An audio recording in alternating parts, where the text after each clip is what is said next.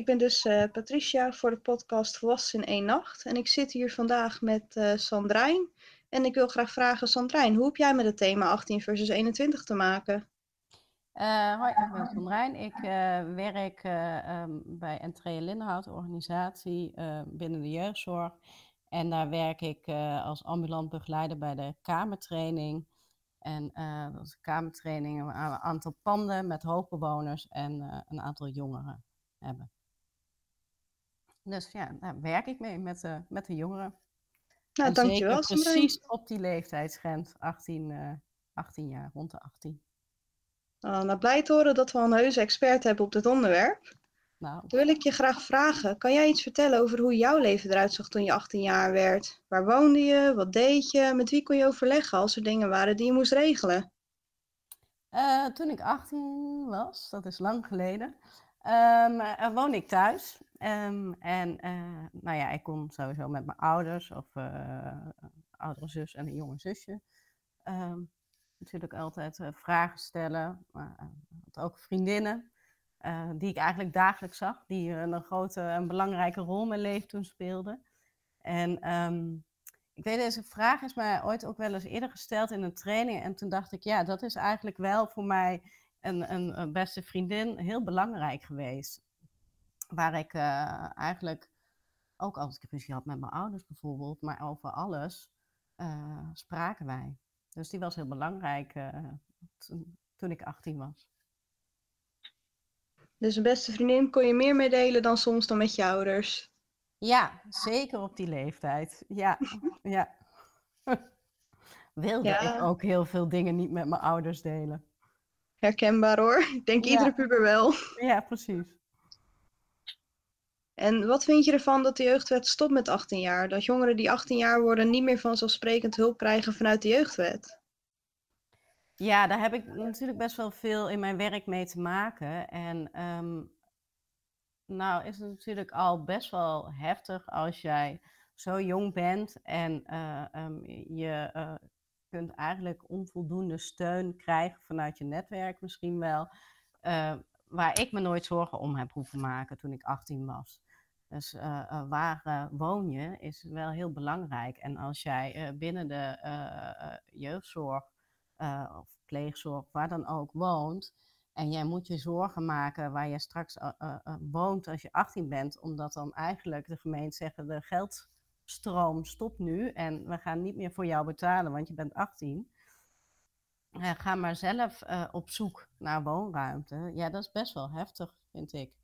En uh, zeker met woningnood, die er eigenlijk ook wel landelijk is. Um, en ik zelf werk en woon ik in Nijmegen en daar is het helemaal lastig om, om een kamer of wat dan ook te vinden.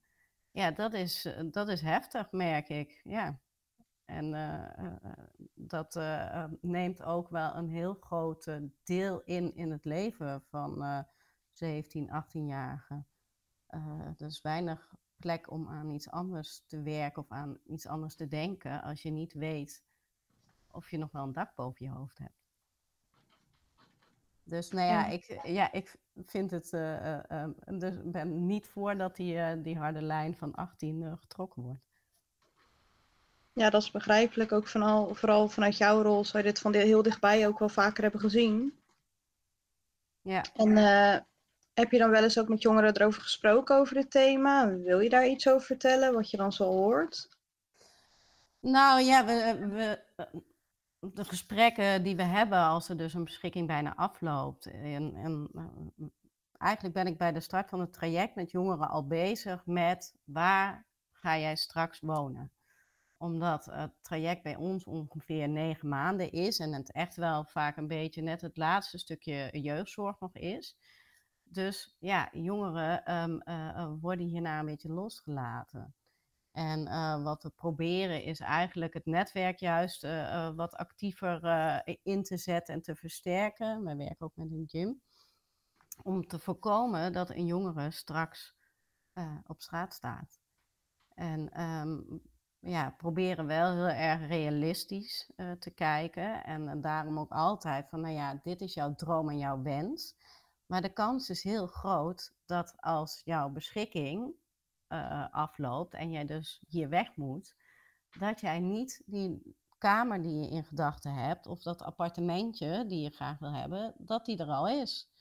Ehm, of dat je die al kunt betalen.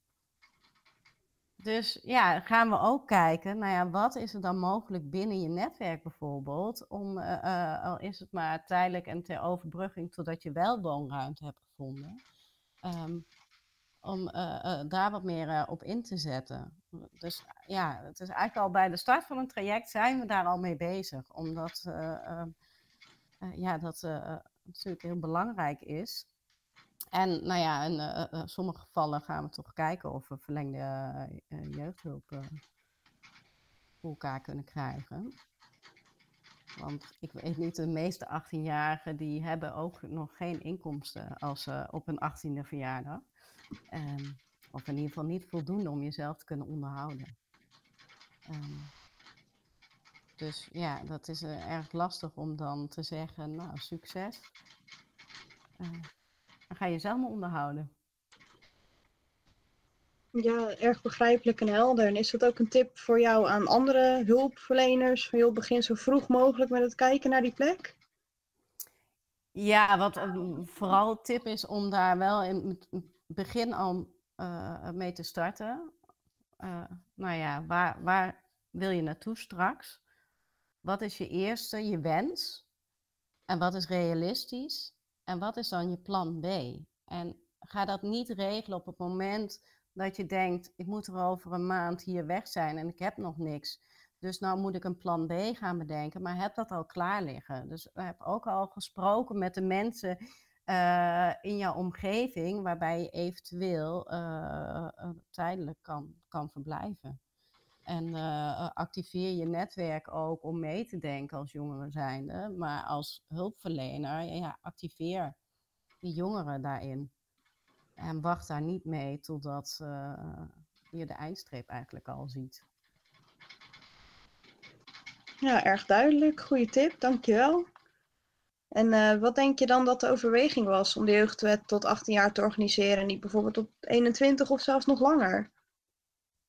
Ja, wat ik vermoed dat de reden is, is uh, geld. dat is, een, eh, is een, gewoon een groot probleem. En dat is ook lastig. Uh, sinds um, het eigenlijk naar de gemeentes is gegaan, um, ja, wordt, wordt elke jongere en elke aanvraag voor verlengde jeugdhulp, maar sowieso, zeker de residentiële plekken zijn heel duur. Um, en ja, daar is eigenlijk gewoon te weinig geld sowieso al. Laat staan als dat tot 21 jaar. Dus ik denk dat ze gewoon hebben gedacht, ja, dat, uh, daar, is het geld niet, daar hebben we het geld niet voor. Ja, dat is erg begrijpelijk. Helaas kunnen wij met de opleiding daar ook niet veel mee. Nee. En uh, nou ja, soms is de verlengde jeugdhulp dan wel mogelijk. Wat je al eerder zei, dan uh, kijken of we dat kunnen aanvragen. Dan heeft een jongere dus recht op jeugdhulp tot 23 uh, jaar.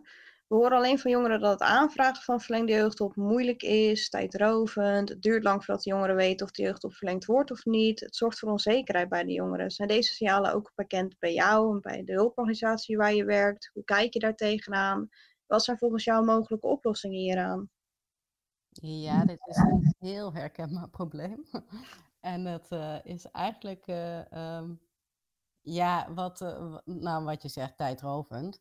En het is ook um, voor een jongere bijna onmogelijk om met iets anders bezig te zijn dan dat. Ik heb laatst met een jongen gehad, verlengde jeugdhulp aangevraagd. Nou, dan wordt gezegd, doe dat op tijd, twee maanden van tevoren. Nou, mij nog ruimer van tevoren.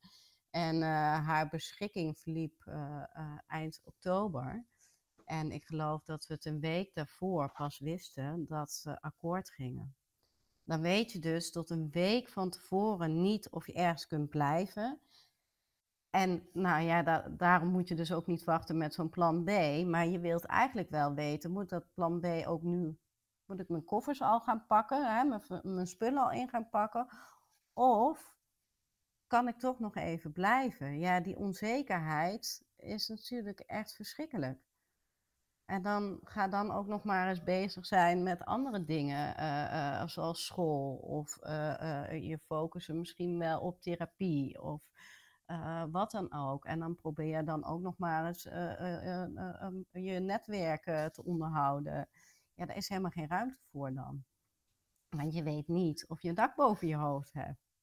Dus het is heel herkenbaar. En het is echt, ja, en heel tijdrovend uh, voor uh, hulpverleners die eromheen staan. Um, om toch elke keer weer te gaan kijken, er moet verslagen aanleveren, er moet dan vaak toch weer een keukentafelgesprek komen. Nou, je, hey, tenminste, ik ben veel tijd kwijt ook met erachteraan te bellen. Weten jullie al wat? We wachten al zo lang. Um, ja, dat, dat, is eigenlijk, um, vind ik wel, het minst leuke onderdeel van mijn werk is een ja, leuren om beschikkingen. Dat kan ik begrijpen. Dat is ook eigenlijk best bizar. Want als jij ergens eh, een woning huurt, dan heb je ook een bepaalde opzegtijd van een maand tot drie maanden. En dan zou je maar net een week van tevoren weten. Dat, dat, dat zou niet moeten kunnen, lijkt mij. Ja, het is ook heel veel. En, uh, ja, maar inderdaad. En zijn er ook veel mensen, ook organisaties, die aangeven dat de leeftijd van de jeugdwet verhoogd moet worden? En hoe zie jij dat? Ja, ik denk echt de organisaties die allemaal met, uh, met jongeren uh, en kinderen in de, in de jeugdzorg te maken hebben, dat die eigenlijk alle jongeren het gunnen dat je gewoon um, ook in rust uh, je kunt ontwikkelen. En um, ik geloof dat Marcia Struik wel eens heeft benoemd dat er gemiddeld jongeren op zijn 26e op kamers gaat. 18, dan ben je nog hartstikke jong. Je bent eigenlijk nog een kind. En dan komt er zoveel op je af. En dan wordt er eigenlijk ook nog van je verwacht dat je dan uh, uh, een, met een studie start. Of je, misschien zit je met examens. En dan uh, moet je dan een bijbaantje bijnemen. Want, en best behoorlijk bijwerken. Of het lukt je niet om alles wat er in je verleden is gebeurd, om ehm, uh, überhaupt naar school te gaan of een opleiding te volgen. Dus dan werk je. Maar als 18-jarige verdien je niet zoveel. Ja, hoe kan je dan jezelf gaan onderhouden? Het is niet realistisch, vind ik. En ik denk dat de meeste organisaties die met jongeren werken, eigenlijk uh, jongeren gunnen dat ze niet al die zorgen er ook nog bij krijgen. Ja, helder. Lijkt me ook al handig als je dan de zorg hebt over die jongeren. Dan komen de zorgen er ook bij. Ja, ja, ja mooi gezegd. Ja. En wat zou het voordeel zijn voor jullie als hulpverleners als de leeftijd van de jeugdwet verhoogd wordt? Zijn er nadelen van het verhogen van de leeftijd? Ik denk vooral voordelen. Um, omdat dit gewoon voor een hele hoop stress zorgt en voor een hele hoop werk. Um, niet alleen bij gemeentes die elke keer ook al opnieuw die aanvragen door moeten nemen, uh, die keukentafelgesprekken moeten voeren. Daar gaat gewoon heel veel tijd en energie in zitten. Um, bij jongeren, ja, dat, eh, ze hebben ook al te maken met eh, alle uh, wachtlijsten en wachttijden in bijvoorbeeld om te kunnen starten met traumabehandeling of andere vormen van therapie. Um, nou hebben ze dus ook nog hiermee te maken. En, er zijn al zoveel zorgen. Um, ja, ik denk dat het veel meer rust zou geven. En ik gun, eigenlijk alle jongeren ook die rust. Dat je ook niet um, elke keer een ander moet overtuigen dat jouw problemen wel zo erg zijn. Dat ze dan toch nog wel eventjes de zorg voor je willen betalen. Dus dat je gewoon um, misschien ook op de plek waar je dan zit, je therapie af kunt maken. Of in ieder geval kunt starten. Ja, dat, dat zou ik wel ontzettend de jongeren gunnen. En ik denk dat dat gewoon heel veel rust op gaat leveren. Ja, erg begrijpelijk. Ook wel ergens, ja, misschien heel optimistisch van mij. Maar ik zou dan denken, als zorg staat, kan ik er toch van uitgaan dat zorg er gewoon bij hoort, toch? Ja, nou, dat, dat zou wel heel fijn zijn als er voor de, een groep jongeren waar uh, misschien uh, um, ja, mensen zich wat minder hard voor maken of zo. Of die misschien al de, uh, uh, met 1-0 achter staan, omdat ze misschien een ouder hebben die zelf psychische hulp nodig heeft. Of um, um, hè, wat dan ook, wat voor reden dan ook, dat ouders niet goed voor ze kunnen zorgen. Die hebben natuurlijk al um, veel meer moeten leren voor zichzelf te zorgen. En het zou wel heel fijn zijn als ze niet de hele tijd hoeven vechten om, uh, om zorg te krijgen. Dat, uh, ja, helder. Ja. En denk je dat er nog nadelen aan verbonden zouden zijn als de leeftijd omhoog zou gaan naar 21? Um, ehm, ja, misschien uh, zijn er jongeren waarvan mensen dan zeggen, ja, dan gaan ze achterover leunen. Ja, dan gaan ze helemaal niet meer in actie komen. Dat zijn dan allemaal van termen die worden geroepen. En ik denk, eh, toen ik 18 was, hoefde ik geen leerdoelen te bedenken. En uh, hoefde ik ook niet uh, te gaan vertellen um, wat ik dan heb, had geleerd de afgelopen paar maanden. Dus ik denk niet dat dat. Ja, ik, ik, ik maak me daar niet zo zorgen om. Ik vind dat ook een beetje onnatuurlijk dat, dat ze zoveel moeten. Um, ik denk dat het vooral uh, ja, financieel uh, gezien een nadeel is. En um, er zijn nog grote tekorten bij gemeentes. En ik begreep dat het geld wat, wat de overheid nu vrij had gemaakt voor de jeugdzorg extra, dat dat eigenlijk wordt gebruikt om de tekorten die er zijn ontstaan omdat er zoveel geld naar jeugdzorg is gegaan, wat de gemeentes eigenlijk niet hadden dat die nu worden op, uh, opgevuld. En uh, dat geld is, is alweer weg. Um, oh jeetje. Dus ja, ik denk vooral dat dat uh, um, um, grote zorg is. hoe ze dat financieel moeten doen. Gemeentes redden het nu eigenlijk al niet. Dus ik, ja, dat kan ik me als enige nadeel bedenken. Maar goed, daar heb ik zelf natuurlijk niet zo heel veel invloed op. Nee, duidelijk. Nou ja, we hopen dat als er mensen luisteren die daar wel invloed op hebben, dat het stof tot nadenken is. Ja, ja. En uh, nou ja, er zijn dus ook uh, uh, andere argumenten van een hoop mensen die voor of tegen het verhogen van de leeftijd zijn. Wat zijn jouw argumenten waarom jij voor zou zijn of tegen voor het verhogen van de jeugdwet? Nou, volgens mij is het wel duidelijk dat ik voor ben. en uh, um, ja, dat vooral ook wel mee te maken heeft dat ik uh, um, ja, bij jongeren waarbij er al zoveel onrust in hun leven is, eigenlijk vooral rust. En um, dan is een woonplek is heel erg belangrijk. En hulp is dan ook heel fijn als dat constant is en dat je dus ook niet hoeft te wisselen. Um, dus dat, dat zou voor mij uh, een grote plus zijn als het verhoogd wordt. En uh, het zou voor mij ook heel fijn zijn dat ik niet elke keer weer opnieuw um, met uh, sociaal wijkteams en buurteams hoef te bellen en te mailen en te moeten gaan leuren om toch nog een paar maandjes erbij te krijgen.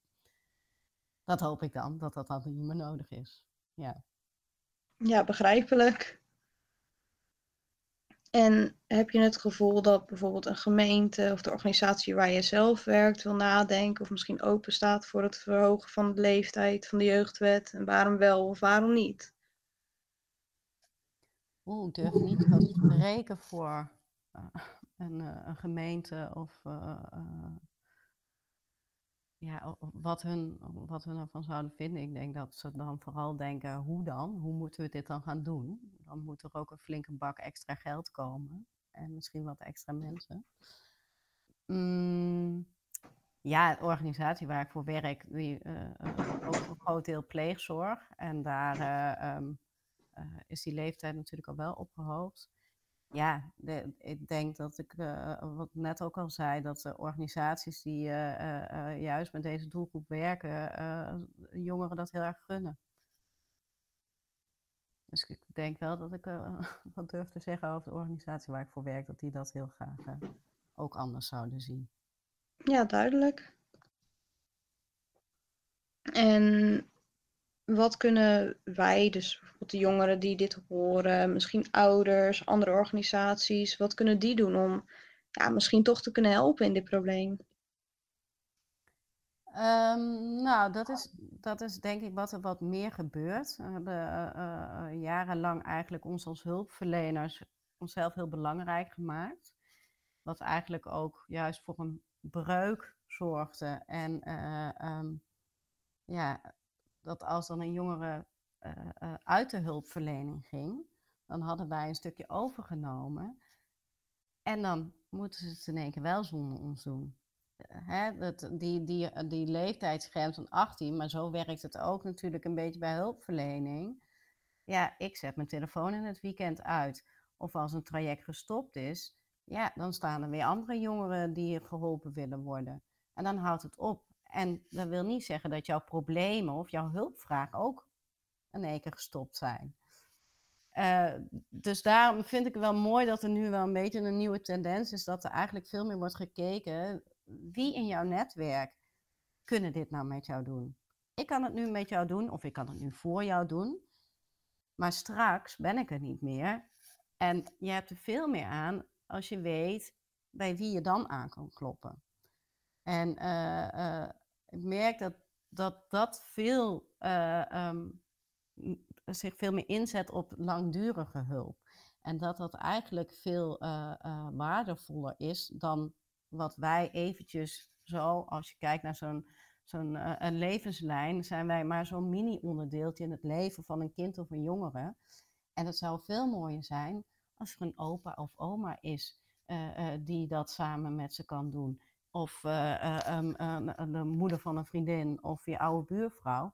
En die ook nog eens zegt, weet je, wij gaan, we gaan elke maand eens even naar jouw financiën kijken. Of die zegt, oh, nou heb jij een, ingewikkelde brief eh, binnengekregen. Weet je wel, Sjaak, die kan er wel eens naar kijken. Die ook met je meedenkt. Dat is veel waardevoller.